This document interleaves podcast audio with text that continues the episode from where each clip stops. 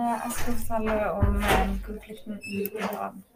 I 2015 inngikk FNs sikkerhetsråd sammen med Tyskland og EU en avtale med Iran om eh, Irans atomprogram. Det var fordi de frykta at Iran skulle utvikle atombomber. FNs sikkerhetsråd hadde da tidligere innført sanksjoner mot Iran i et forsøk om å presse det iranske regimet til å avvikle det som mange land da mente var landets militære atomprogram. Iran mener at de, ikke, nei, at de skulle bruke atomprogrammet til atomenergi og ikke atomvåpen. USA var et av de landene som var med i denne avtalen.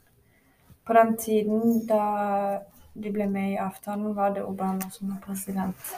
Da Trump ble president, sa han til befolkningen at han ønska å gå ut av mange av de avtalene USA var med i fra før av. En av de var denne avtalen med Irans atomprogram. I 2018 presenterte Israels statsminister at eh, det er nye bevis på at Iran har brutt denne avtalen om atom... Eh. Israel sa at de hadde fått tak i, i iranske dokumenter em, som da handlet om at Iran i flere år hadde hatt et hemmelig atomvåpenprogram. Iran avviste dette og sa at det var en gammel sak som hadde blitt behandla for lenge siden.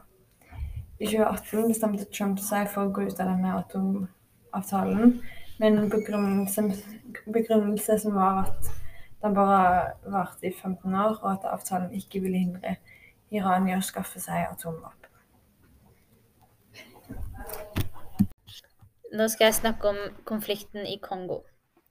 De siste ti årene har flere millioner mennesker blitt drept i Kongo i, i sammenheng med krig og konflikter. Frem til 1908 var Kongo den belg belgiske kongens eh, Leopold 2.s personlige eiendom. Deretter tok den belg belgiske staten over og styrte Kongo frem til 1960. Når de da trakk seg ut igjen, så etterlot de et land med eh, store interne konflikter. Etter denne perioden så ble det gjort et statskupp eh, hvor lederen Yusuf Desire Mobutu styrte landet med et svært korrupt og voldelig regime i 32 år.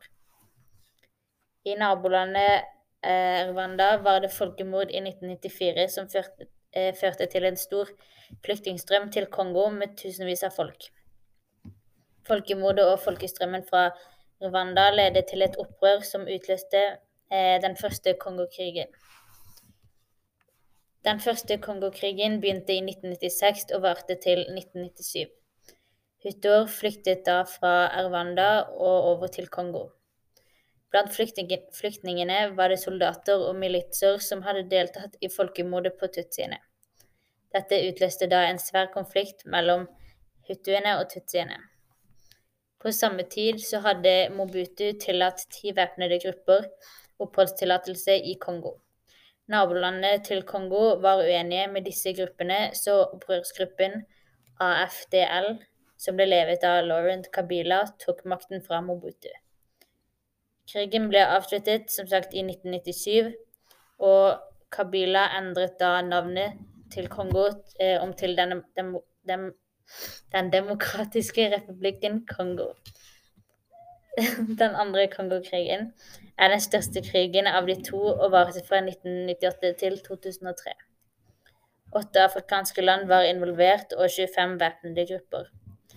Eh, Kabila, som var en brikke i den første Kongokrigen, ble svært upopulær i Kongo fordi han ikke levde opp til løftene om demok eh, demokrati som han hadde lovet. Det som utløste krigen, var at Kabila vendte ryggen til Rwanda og Uganda, som hadde hjulpet han å slå Mobutu. De, de rwandiske lederne, som nå plutselig ble behandlet som fienden, ble rasende og konflikten eskalerte. I 1998 angrep da Rwanda Kongo med mål om å styrte Kabila-regimet, fordi Kabila bestemte seg for at alle rwandere og andre utenlandske soldater måtte forlate landet. I 2001 så døde eh, Lauren Kabila, så sønnen Josef Kabila tok over etter farens død. Han snakket om fred og nasjonal enhet. Han ble vendepunktet i den andre Kongo-krigen.